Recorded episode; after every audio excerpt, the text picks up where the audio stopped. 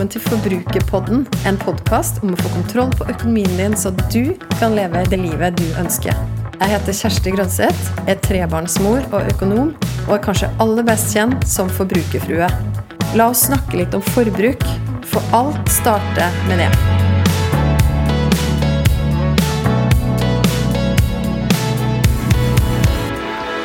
Hei der du er! Jeg er så glad for at akkurat du har tuna inn på denne episoden av Forbrukerpodden.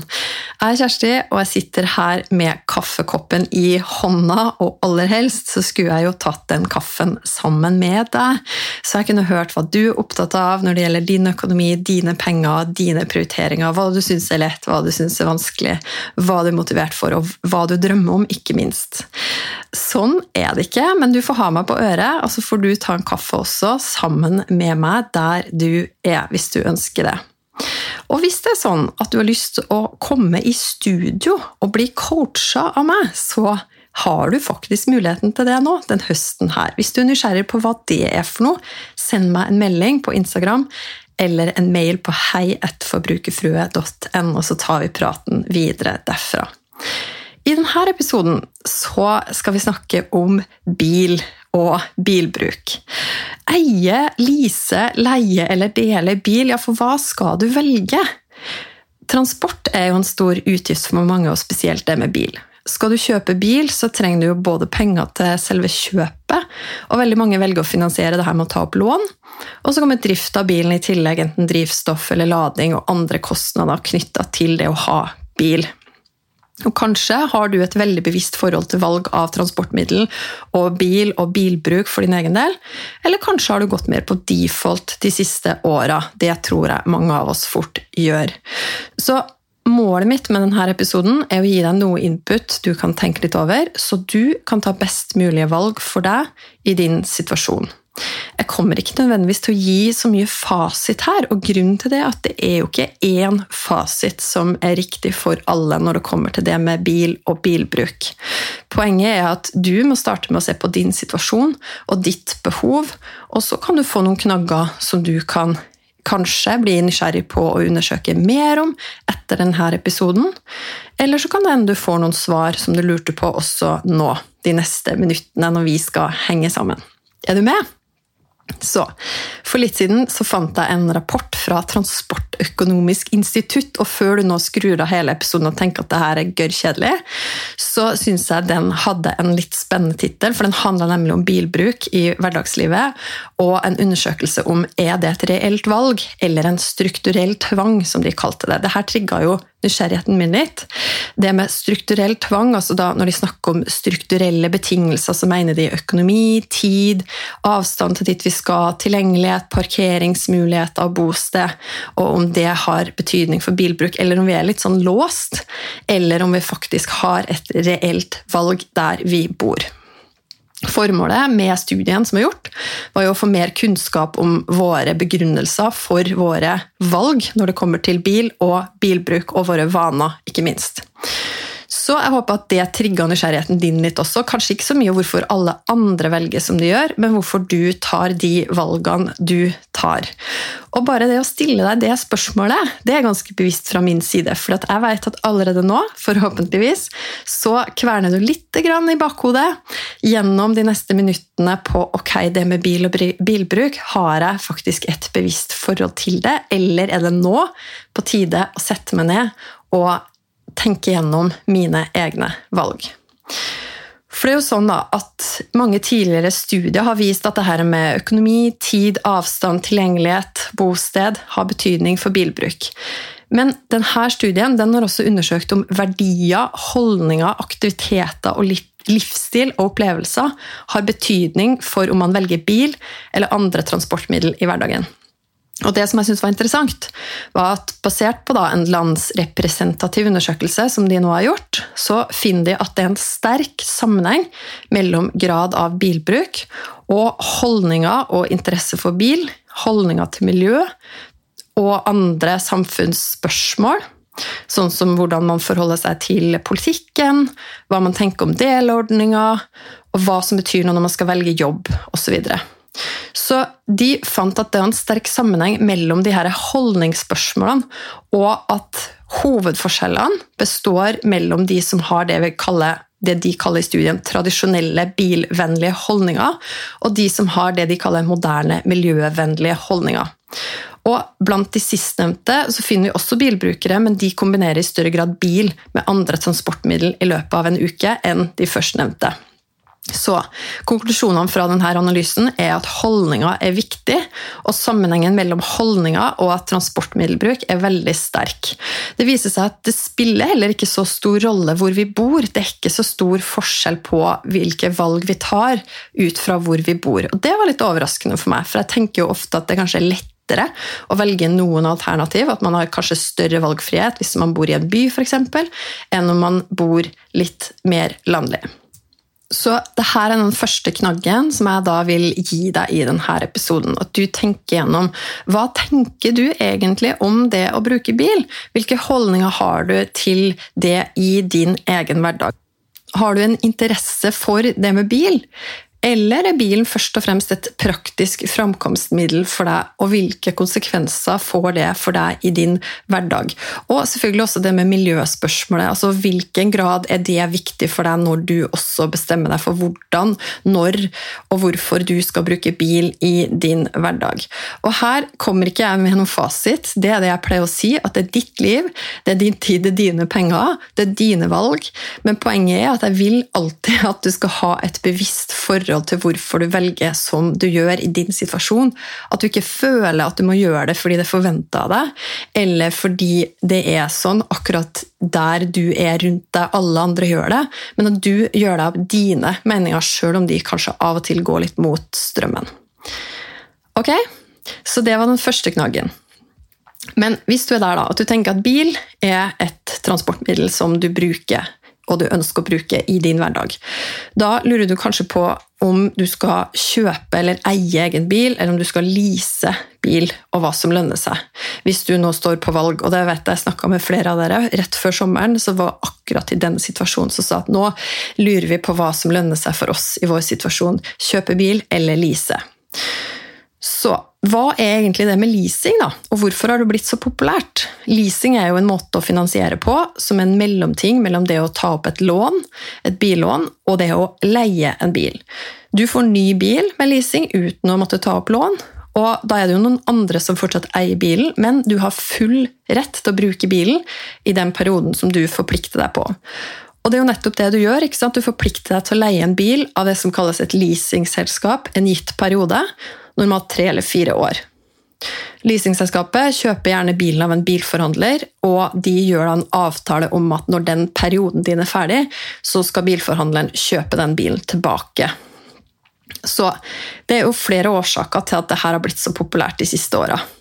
Én ting handler jo om at når du skal søke om lån, hvis du også har boliglån, så er det jo sånn at det kom en boliglånsforskrift som sier at du ikke kan låne mer enn fem ganger brutto årsinntekt inntekt. Og Da er det ikke bare boliglån, men da er det samla lån. Så Hvis du da har et billån i tillegg, så regnes det inn i samme regnestykke. Mens hvis du har en leasingavtale, så er jo ikke det et lån, så da regnes ikke det med. Så hvis du f.eks. allerede har maksa ut av det du kan låne, så vil jo ikke det hindre deg da, i å kunne ta opp en leasingavtale, men du ville kanskje ikke fått et billån på samme måte. Så en annen ting er jo det at det er jo litt sånn usikkert hvor hvilke teknologier når det kommer til bil som lønner seg, hva som vil synke, når i verdi osv. Og, og f.eks. det med elbil, da, som har noen fordeler hatt i dag, så har det jo blitt færre av de også. Men hvordan vil det se ut da, når du skal selge din bil på et tidspunkt, hvis du eier en bil? Så hvis da det har skjedd veldig mye med de ordningene her som er gunstige i dag, så vil jo kanskje den bilen din synke raskere i verdi, gå mer ned da, til når du skal eventuelt selge den igjen. Og så har det jo vært usikkerhet med det her med dieselbiler, om man vil kunne kjøre de i by osv. Så, videre. så Derfor, så istedenfor å da kjøpe en bil til kanskje flere hundre tusen kroner, der det er usikkert hva du får solgt den for igjen, så er det mange som velger leasing i stedet. For da er det jo ikke din risiko om du får solgt den bilen, men det er jo leasingselskapet eller forhandleren av den avtalen som de har. Og det er jo også noe av det du må betale for, da, at den risikoen flyttes over på de andre aktørene og ikke på deg.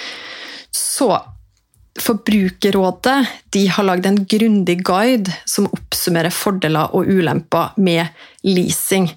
Og jeg anbefaler deg faktisk, hvis du er der at du står på valg akkurat nå, om du skal kjøpe eller om du skal lease, så anbefaler jeg deg å gå ganske grundig til verks og lese gjennom steg for steg i den guiden.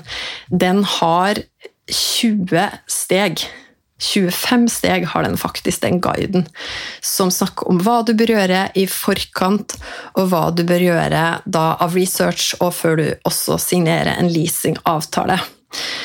Det er jo sånn at Noen av de viktigste punktene som de tar opp, det var jo allerede inne på. altså Fordelen med leasing kan jo være det her at du vet hva Du slipper å være usikker på hva du skal selge bilen for igjen, altså hvor mye den synker i verdi. Og en ny bil den synker jo i verdi raskt de første åra. En annen fordel med leasing er jo at du får en ny bil, som jo betyr høyere sikkerhet, høyere komfort, og du er dekka av da nybilgaranti mest sannsynlig gjennom hele leasingperioden. Så også det her som vi var inne på i sted, at du trenger ikke å ta opp et lån. Du trenger ikke heller å ha masse egenkapital for å inngå en leasingavtale. Du må betale det som kalles en startleie, men den er jo stort sett lavere enn det du måtte brukt i egenkapital hvis du skulle tatt opp et lån for å kjøpe en bil. Og så En av de viktigste tingene kanskje, som vi var inne på, hvis du skal ta opp boliglån også, så vil jo det påvirke hvis du har et billån, men ikke hvis du har en eh, leasingavtale. Da vil det ikke påvirke din evne til å ta opp eller få lån. Så kanskje det er viktigere for deg akkurat nå å kunne ta opp det boliglånet som du ønsker, enn å ha lån andre plasser. Så mest sannsynlig, så hvis du sammenligner det å ta opp et lån, eller sammenligne det å ha en leasingavtale med det å ta opp et lån, så vil leasing normalt gi lavere månedlige utgifter enn et billån på en tilsvarende bil. Og nå snakker vi altså om ny bil. Og det er jo fordi at billånet det skal finansiere hele verdien til bilen, minus den egenkapitalen som du har spytta inn. Mens leasingavtalen, der er på en måte risikoen bare nyprisen på bilen minus startleia som du har betalt, og den avtalte restverdien. Fordi at den som leaser deg den bilen, vet jo at de kommer til å få solgt den bilen tilbake igjen for en gitt pris, og de må ta mindre risiko.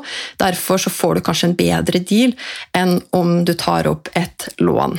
Men det avhenger jo av hvor lenge du skal Både hvor lang løpetid du har på et billån, og hvor mye egenkapital du har, og hvor mye du også betaler i såkalt startleie. For jo høyere den er, jo lavere månedlige kostnader vil du ha. Som du hører, så er det ganske mye å sette seg inn i når det gjelder det med leasing.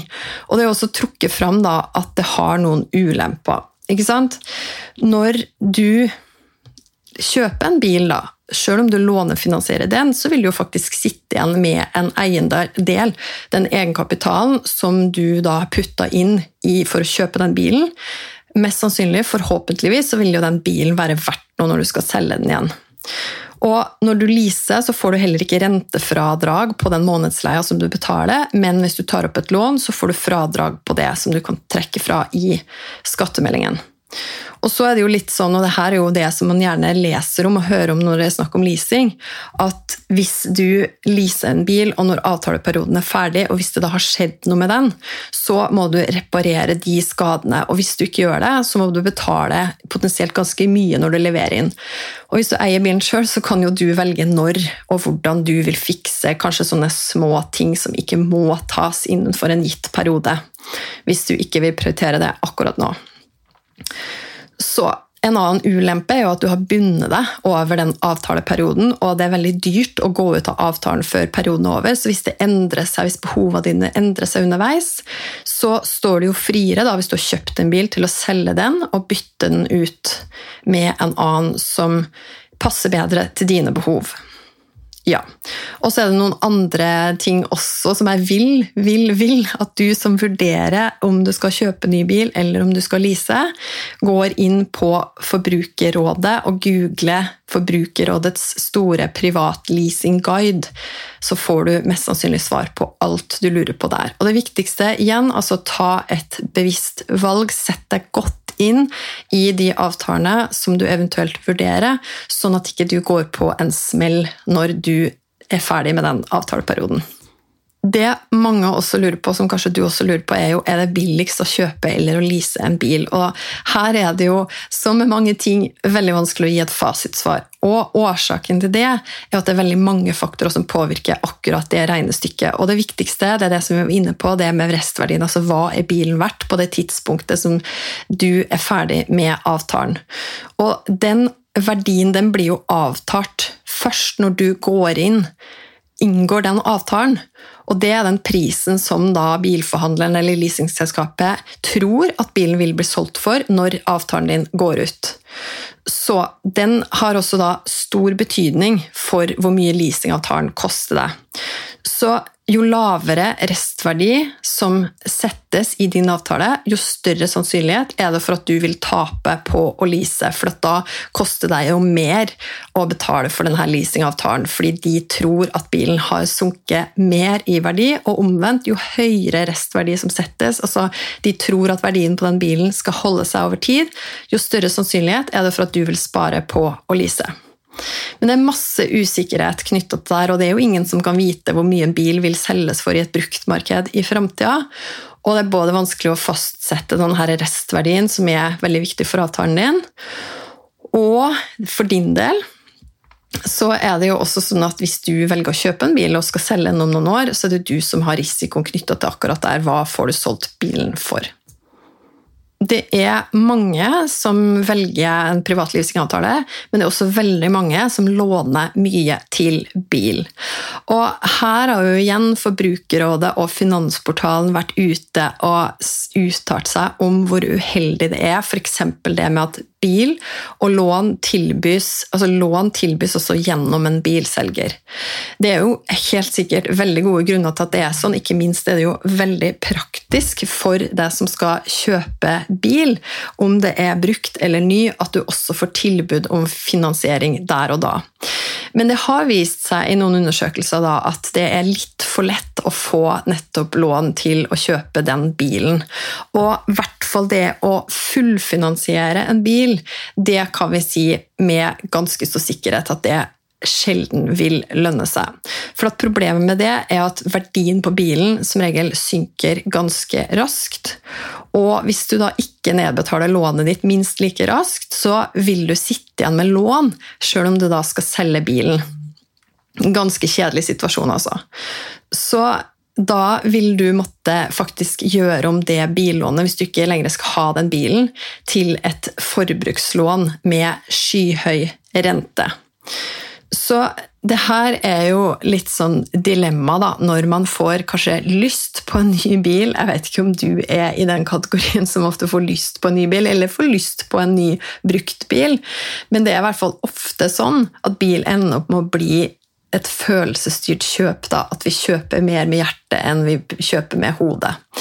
Og det er jo litt kobla på det som jeg var inne på i sted. Jeg tror det er kjempefornuftig å sette seg ned og tenke gjennom hva er ditt behov?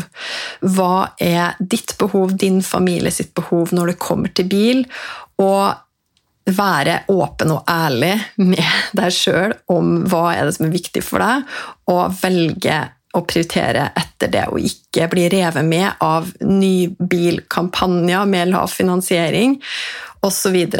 Det kan hende du gjør en god deal, men det kan også hende at du på et tidspunkt senere skjønner at oi, nå har jeg faktisk bundet opp ganske mye penger i nettopp det med bil, og kanskje ikke det egentlig var så viktig for meg som at jeg tok det valget jeg gjorde der og da. Så tenk gjennom er det en bil som først og fremst skal brukes i hverdagen. Hvis du skal ha elbil, hvilken rekkevidde er det som holder? Hvor stor trenger bilen å være? Hvor sterk motor trenger den å ha? Alle de tingene der.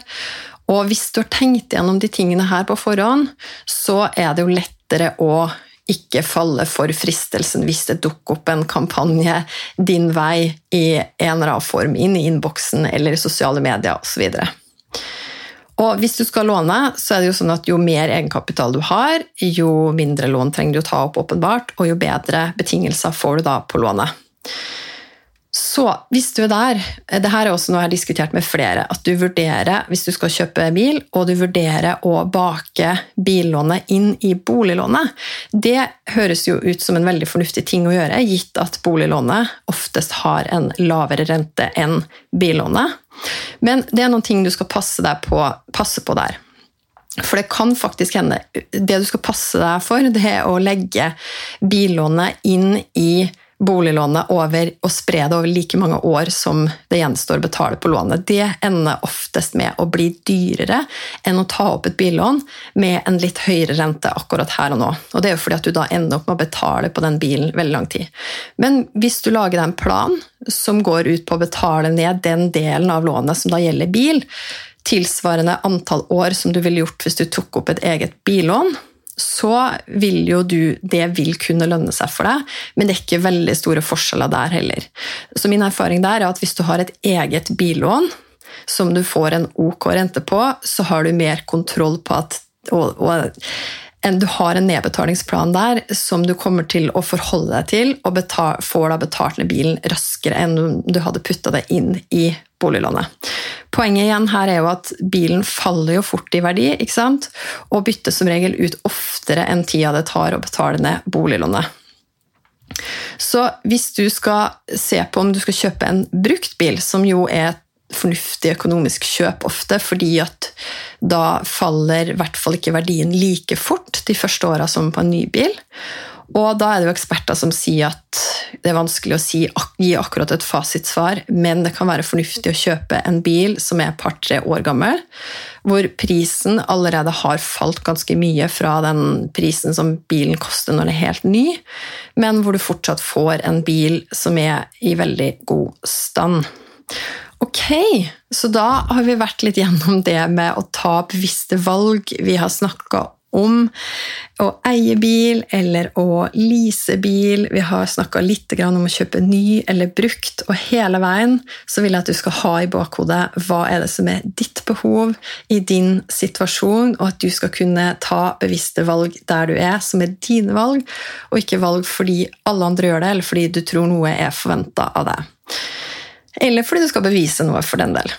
Så hvilke andre alternativ har du da hvis du ikke ønsker å verken eie eller lease bil?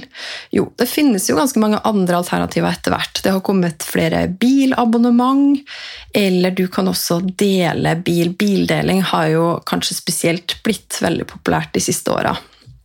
Så et bilabonnement det ligner jo litt på leasing, fordi at du leier en bil over en litt lengre periode. Noen kaller også det her månedsleie av bil. Og det er du som disponerer bilen. Den står i din garasje eller på din parkeringsplass. Så det ligner litt på leasing, og det handler jo også om at du blir enig om en eh, gitt eh, kjørelengde på forhånd som du skal betale, og må da betale ekstra hvis du kjører mer enn det. Det er sånn at Du står jo for alle kostnadene til drivstoff, bompenger osv. Og så er det sånn også at når du, skal, når du er ferdig med avtalen, så gjør, gjøres det også en vurdering av om du må betale ekstra for slitasje, unormal slitasje på den bilen. Men det er kortere bindingstid på sånne type abonnement, normalt kun én måned. Det er ingen sånn her startleie, så du trenger ikke ha noe egenkapital å skyte inn i starten. Og du trenger ikke å vedlikeholde bilen på samme måte med service som i en leasing. Forsikring er gjerne inkludert. Og du slipper å gjøre ting som du kanskje må med en leasing, som skifte, skifte hjul og dekk og sånn.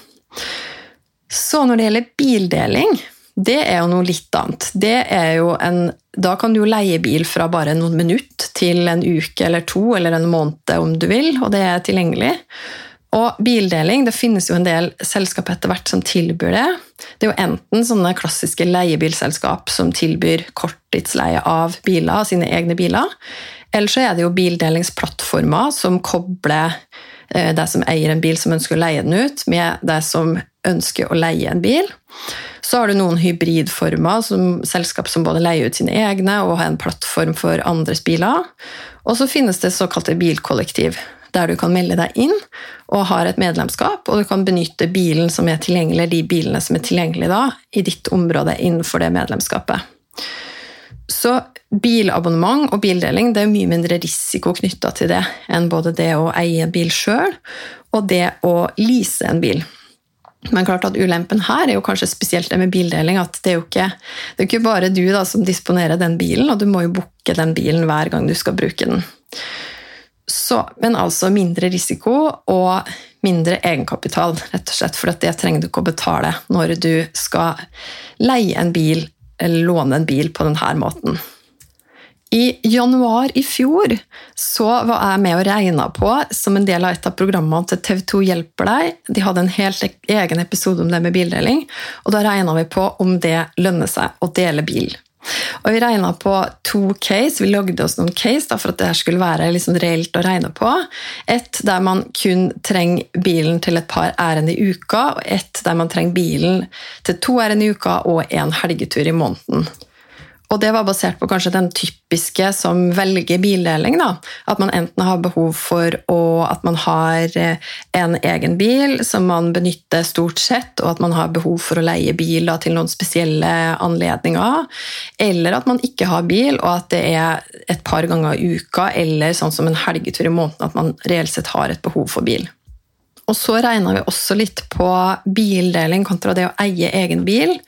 Og da regna vi på hvor mye det reelt sett koster i året å eie egen bil, med de forutsetningene som vi tok. Det var en, at man kjøper en type bruktbil som er tre-fire år gammel, typisk familiebil, stasjonsvogn, så koster det ca. 80 000 i året å eie egen bil. Og da har vi tatt med alt av kostnader til både lån og hvis man har finansiert på den måten, og drivstoff, alle sånne driftsutgifter, men også det med hvor mye verdien faktisk går ned. At vi la inn det regnestykket. For det er jo det som du reelt må se på her. For her har du bundet opp penger i en bil som taper seg i verdi. og verdi, det verditapet som du har per år, det er jo et reelt tap for deg. for det er jo penger som du kunne brukt på noe annet. Så regna vi på det, og så regna vi også på ok, hvis du da skal eie en egen bil, hvor mange tusen kilometer må du faktisk kjøre i året for at det skal lønne seg å eie egen bil? Og da kom vi fram til at i de casene vi brukte da, en familie med stasjonsvogn som bruker bilen mest til hverdags, måtte kjøre over 12 000 km i året for at det skal lønne seg å eie bil sjøl. Nå vet jeg verken om du har et bevisst forhold til du, hvor mange kilometer du kjører i året på din bil. Hvis det er du som sitter med forsikringene, så har du kanskje et mer bevisst forhold til det enn hvis du ikke gjør det. Men poenget er i hvert fall at det går an å regne på det her, og går an å, å vurdere og begynne å tenke på sin egen bilbruk og sitt eget behov. Og for oss, for mannen min og meg, så ble det en trigger. Vi ble inspirert av å gjøre de regnestykkene her til å vurdere vår egen bilbruk og vårt eget behov basert på nettopp de regnestykkene. Og kanskje spesielt den bevisstheten på at bilen synker i verdi, og at det også koster oss reelt noe. Og Den samme bevisstheten vil jeg også at du skal få. Og På det tidspunktet der så eide vi en elbil med god rekkevidde som kosta oss en del tusen i måneden med billån og forsikringer som de største utgiftene. Og lang historie kort, Vi endte med å selge bilen, og så levde vi et halvt år uten bil. Og i ettertid så ser jeg på det som en aldri så liten bildetox, der vi virkelig fikk testa behovet vårt. Og det viste seg at vi klarte oss veldig fint i hverdagslogistikken uten bil. Vi brukte sykkel mye mer, eller gikk til ting. Og det vi merka, var at et mye mer reelt behov det var de litt større handleturene. da, Både ukeshandlinger og andre ærend som vi hadde behov for å gjøre på kort varsel, på f.eks. en ukedag. Og I tillegg så ønska vi å kunne komme oss litt lenger på utflukter i helgene enn sykkel- og gåavstand. Så etter et halvt år så bestemte vi oss for å kjøpe en billig, mye billigere elbil med begrensa rekkevidde til bruk på nettopp ærend og helgeutflukter. Den bilen var vel sju år da vi kjøpte den. Seks år var den da vi kjøpte den. Og den kosta oss rundt 60 000, som vi hadde spart opp til å kunne betale kontant. Det var jo også en utrolig god følelse å slippe å ha billån. Og både i fjor sommer og nå i sommer så har vi leid bil gjennom to ulike delingsplattformer. Denne sommeren så leide vi bil en hel måned. Og med tanke på hvor mye det koster oss å eie egen bil i året, når vi også tar med at den synker i verdi, så har vi funnet ut at vi har råd til å leie bil ganske så ofte, og at det da heller er ut fra et reelt behov som vi har. Så vi vet at den bilen som vi har stående, som vi da bruker til hverdags eh, og de ærene som vi skal gjøre i hverdagen, den har kosta såpass lite. Vi har ikke bundet opp så mye penger tross alt i den bilen, og den er veldig godt utnytta til akkurat det vi trenger den bilen til. Så kan vi heller, da, når vi har et behov for å reise på lengre turer, så leier vi bil. Så da skal vi gå inn for landing av denne episoden. Nå har jeg proppa deg full med masse informasjon og masse input, og forhåpentligvis noen knagger som du kan ta med deg for å tenke over ditt eget forhold til det med bil. Hva er ditt behov for transport i hverdagen og til helger og ferier? Har du regna på hva din transportbruk, og spesielt bil, koster deg i året og i måneden. Der finnes det ganske mange Hvis du bare googler eh, 'hvor mye koster bilen', så finner du sånne kalkulatorer som du kan bruke til å regne på akkurat det ut fra hvor mye din bil koster, og, og eh, andre kostnader som du vil legge inn. Finnes det alternativ du kan vurdere å gå over til? Kan du utfordre dine egne tanker og se, nytt på, se litt nytt da, på situasjonen. Og hvis du er i et forhold, så er dette et perfekt tema til neste økonomidate. Du vet den gangen i måneden som eh, dere setter dere ned og snakker om hvordan vi skal bruke pengene våre på best mulig måte. Og er du singel, det er ingen hindring, fordi økonomidate det passer like godt for deg. Den eneste forskjellen er at du lager avtalen med deg sjøl i stedet for en partner. Hvis du vil ha konkrete tips til hvordan du kan få en ny vane denne høsten med å legge økonomidate inn i din kalender, så tar jeg gjerne en prat med deg videre om det. og Da må du ta kontakt med meg ved å sende meg en melding på Instagram eller på hei.forbrukerfrue.no, så tar vi det videre derfra. Da ønsker jeg deg en nydelig dag. Du får kjøre forsiktig, du som er ute og kjører bil akkurat nå, eller du som er på bussen eller på trikken eller T-banen eller hva som helst. Du som er ute og går, du som er ute og sykler. Jeg ønsker deg en nydelig dag. Så snakkes vi igjen neste uke. Jeg vil gjerne vite hva du tenker etter å ha hørt episoden. Så koble med meg på Instagram. Der finner du meg som forbrukerfrue. Send meg en melding. Tagg meg gjerne i Story og del episoden her hvis du likte den. Eller send meg spørsmål. Og husk å abonnere på podkasten Forbrukerpodden, så får du beskjed hver gang det kommer en ny episode. Vi høres!